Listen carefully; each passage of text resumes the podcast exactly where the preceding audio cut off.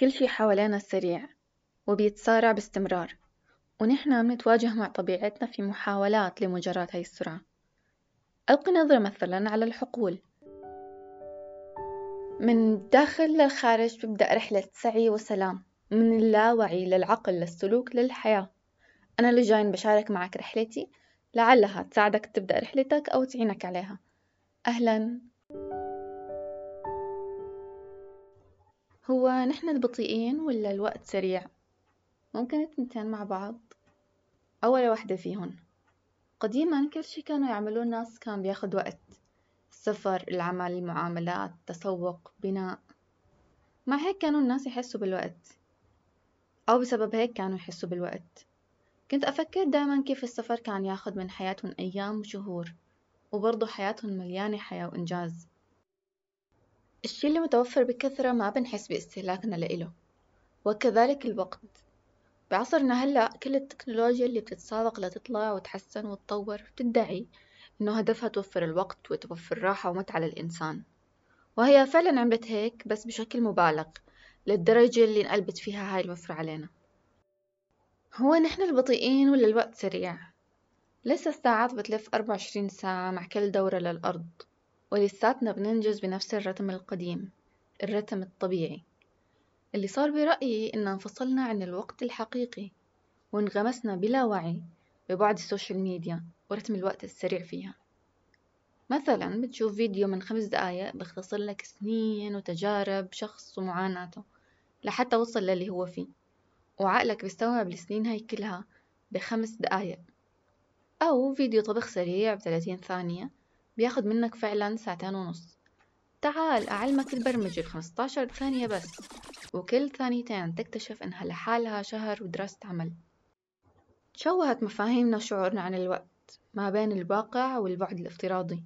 حتى الألعاب تعمل لك اليوم الواحد عشر دقايق وبتعطيك نفس الشعور السرعة الإنجاز الوهمي والسهولة. ولما تسكر الأجهزة هاي وترجع وتجرب تعمل اللي فيها بنفسك بتنتبه للوقت. يا إلهي كيف مضى كل هالقد؟ أو بتحاول عشر دقايق ولأنك لسه كتير بعيد عن النهاية عكس اللي مخك تشبع فيه. بتحس بيا ما أبطأني. نيال الناس اللي وصلت. هو أنت فعلا بطيء؟ ولا هذا هو الطبيعي؟ لما بفكر بالسؤال هل نحن فعلا بطيئين؟ بتوصل لجوابين نعم ولا لا نحن مو بطيئين. بس كل شي حوالينا سريع وبيتسارع باستمرار. ونحن بنتواجه مع طبيعتنا في محاولات لمجاراة هاي السرعة. ألقي نظرة مثلا على الحقول. بتلاقي الشجرة هي هي. تثمر مرة واحدة بالسنة. بتلاقي الشتلة هي هي. من آلاف السنين بتنبت بثلاث أشهر. بنفس الثلاث أشهر من السنة. ركز بالسنة نفسها. وكل في فلك يسبحون. نفس النظام الدقيق. الأرض بتدور بفلكها. والسنة بتتم مع كل دورة. تعال نرجع للأرض. شوف الحيوانات في البرية مثلا. نفس سرعة الجري نفس سرعة الأكل نفس سرعة النمو. خلينا نرجع للمدينة وين نحن عايشين. سيارات طيارات توصيل سريع لأي شي بتطلبه. كل التسويق بيركز على أداء وسرعة الخدمة. أجهزة بتختصر لك ساعات من عمرك بدقائق. شوف ما بحكي لك إنه هاي الأمور كلها سيئة. بني آدم فعلا عجولين. ربنا بين في كتابه بسورة الأنبياء خلق الإنسان من عجل وفي سورة الإسراء وكان الإنسان عجولا. وسباق السرعة هذا كله وكل الاختراعات والتكنولوجيا نابعة من هاي الطبيعة اللي موجودة فينا. إذا شو هي نقطة الحوار؟ النقطة فعليا هي الوعي. الوعي إنه مقابل طبيعتك العجولة جسمك وعقلك إلهن آلية عمل وسرعة إدراك وسرعة اكتساب. بتروض فيها استعجالك لنتائج كل شي بتسعاله إذا نحنا مش بطيئين. آه لا من الممكن نكون فعلا بطيئين أو معظمنا بطيء. باحتمالين. الأول إن متأثرين بالسرعة الوهمية في العالم الافتراضي فبننتظر نتائج هائلة السرعة بدون أي ترويض. والثاني إننا كسولين. ممكن يكون عقل الإنسان فعلا مبرمج على القيام بالأمور بأسهل الطرق. بس بلاحظ إنه عم نوصل لمرحلة ما نقوم بالأمور أصلا. اعتدنا توفر الوقت والسهولة كل شي موجود على بعد ذراع بمرمى إيدينا. تسوق أكل تسلية تواصل تعلم. وخلص لأنه موجود بشكل مضمون والوقت موجود بشكل مضمون. متجاوزين جهلنا بآجالنا وإنها ممكن تكون قريبة. فخلص بنقدر نعمل بعدين. لو كان في دورة معينة بتخلص بفترة محدودة بنلاقي حالنا فعلا بنلتزم أو لو حدا من أحبابنا لا سمح الله تعب بنلاقي حالنا بدنا نكون معه أطول فترة ممكنة لأنه وفرة الوقت تهددت وسهولة الأمر صارت موضع خسارة. وسواء انتظرنا نتائج سريعة أو كنا كسولين لأنه الوقت والسهولة موجودين ففي هذه الحالة بنكون فعلا بطيئين وبيكون الوقت فعلا سريع. لما أحضر الفيديوهات المسرعة بفكر بالجهد الموجود وراها. مثلا فيديو طبخ متكتك وأنيق. مش مبين إذا اللي بطبخ انحرقت إيده أو انجرح. أو كمية الجلي مثلا أو التنبيهات على أهل البيت. بدي أصور ما حدا يدخل المطبخ. بعدين مونتاج وتعديلات. وبعدين أنا بحضره بعدة ثواني.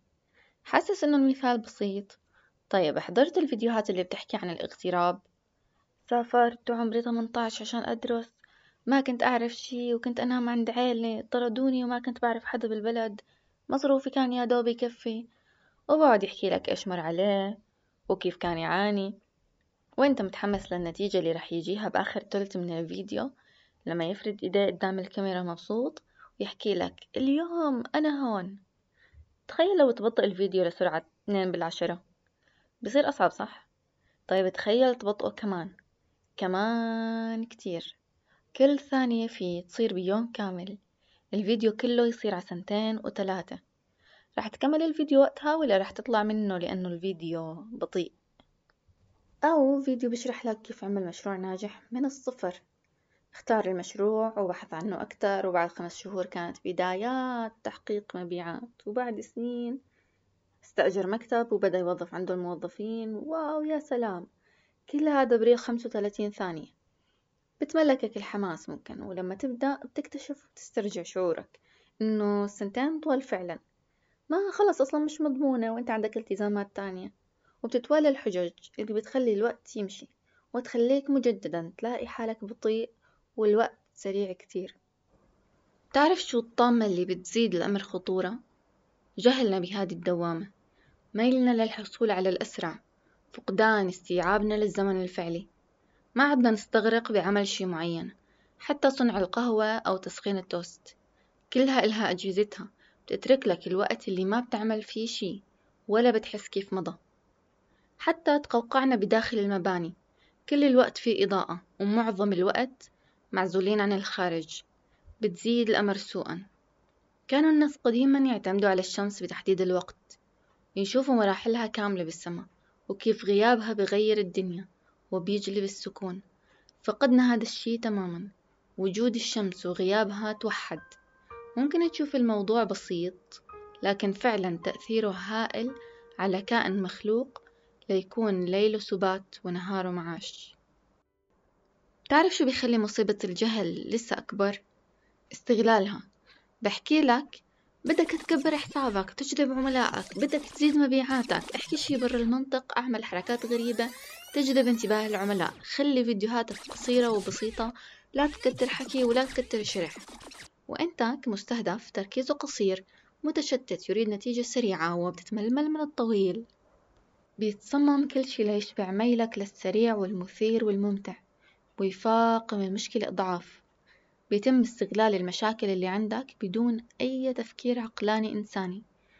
بهدف حساب أكبر على ال social media ومبيعات أعلى على حساب وقتك وصحة عقلك. كنت أحاول صراحة أتبع هاي النصائح لأني لما أطبقها على نفسي بلاقيها فعلا صحيحة.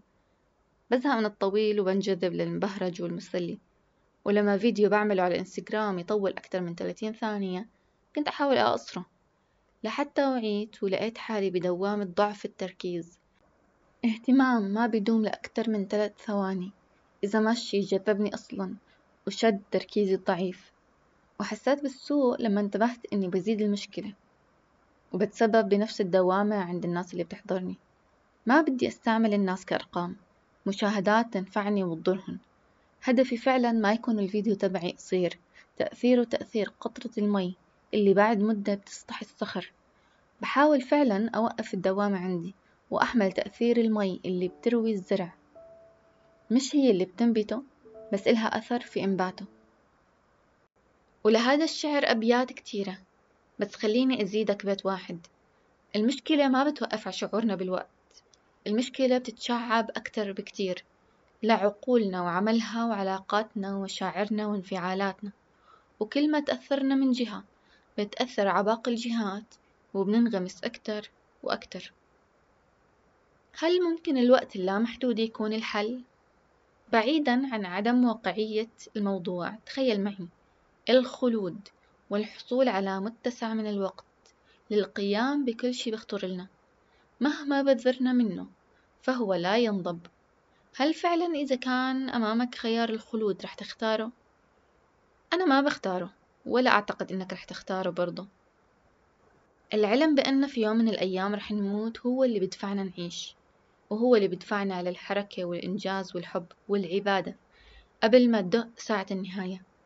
بتلاحظ الناس اللي بتعاني من أمراض مميتة بتحاول تستمتع وتستشعر حياتها أكتر من أي ناس تانية لأنه فعلا الموت هو اللي بدفعنا للحياة. طيب إذا الخلود مش هو الحل شو الحل إذا؟ لنطلع من هاي الدوامة الخانقة اللي كل يوم بتشدنا وبتغرقنا فيها أكتر. كيف نسترجع السيطرة؟ أهلا بك في محطة الحل. خلينا نبدأ من الداخل لأنه زي ما اتفقنا من الداخل للخارج بتبدأ الرحلة. ولو نجحنا فعلا في تغيير الداخل وحسناه راح تتحسن بقية الأمور تباعا. الحلول بسيطة بس خلي في بالك إنها بتاخد وقت. ما إلها ترتيبية مش واحد اتنين تلاتة أعمل الأسهل عليك وتدرج للباقي لأنه كلهم مهمين وجزء من الحل. قبل ما نبدأ خليني أحكي لك إذا مسرع الحلقة لأنك مستعجل ومتعود على السريع وبتحاول توفر الوقت. بدي أطلب منك ترجع السرعة لواحد. لتستوعب الحل فعلا وتفكر فيه بعمق مش بسرعة. ولأنك أساسا بتقاوم الحل نفسه إذا لساتك لهلأ زايد السرعة. خلينا أنا وإنت نآمن تماما إنه كل شي بحياتنا إله توقيته الخاص. أكيد رح نسعى لنحقق أهدافنا بس من المحتمل بشدة ما نحصل على نفس النتائج اللي بنتوقعها وشفنا ناس كتير حصلوا عليها بدون ما يعرضوا لنا دايما ما قبل الحصول عليها. بالمقابل أنا وياك رح نحصل على تجارب تعلمنا وتجهزنا للي جاي غيرنا ما حصل عليها ولا رح يحصلوا على النتائج والمعرفة الناتجة منها. اهدأ وركز على السعي بسلام وهدوء. ركز على الرحلة وتعلم من كل محطاتها وتجاربها وتوكل على ربنا وتأكد إنه سعيك عند ربنا سيرى وإنه ربنا دايما كاتب لك الخير حتى لو ما كان بالشكل اللي بدك إياه.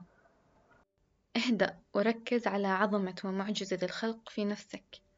قدر مهاراتك اللي منحك إياها ربنا واشكره عليها. بدي أقاطع تفكيرك إذا بدأت تفكر ما عندي مهارات. لأنه أي شيء أنت بتعمله هو فعلا مهارة قابلة للتطوير. قابلية التطوير بحد ذاتها مهارة.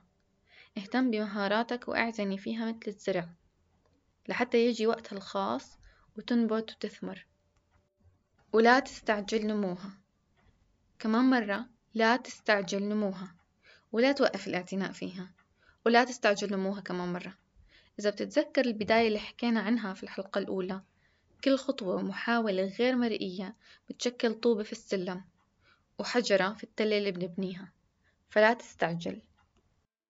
اهدأ وتأمل السماء. تأملها بشكل متكرر خلال اليوم. ركز على الغيوم فيها وموضع الشمس. وحتى وقت الفجر وبعد العشاء. لا تسرح بالتفكير بأمور تانية بس راقب الوقت من خلال السماء. صدقني هالشي كتير بهديك وبساعد عقلك يصفى. ويرتاح من عجلة السرعة المجنونة. والجزء البديهي واللي ممكن تفكره الأصعب من الحل هو تخفف من استخدام الجوال. كل العوامل وحدات والجوال تسعى على اليسار. نحن فعلا ما بنحتاج الجوال بالقدر اللي بنفكر إنه بنحتاجه. والتخفيف من استهلاكنا للوقت عليه أو حتى الابتعاد عنه أسهل مما عقلنا بيتخيل بكتير وهو تحت تأثير عادة الاستخدام المفرط.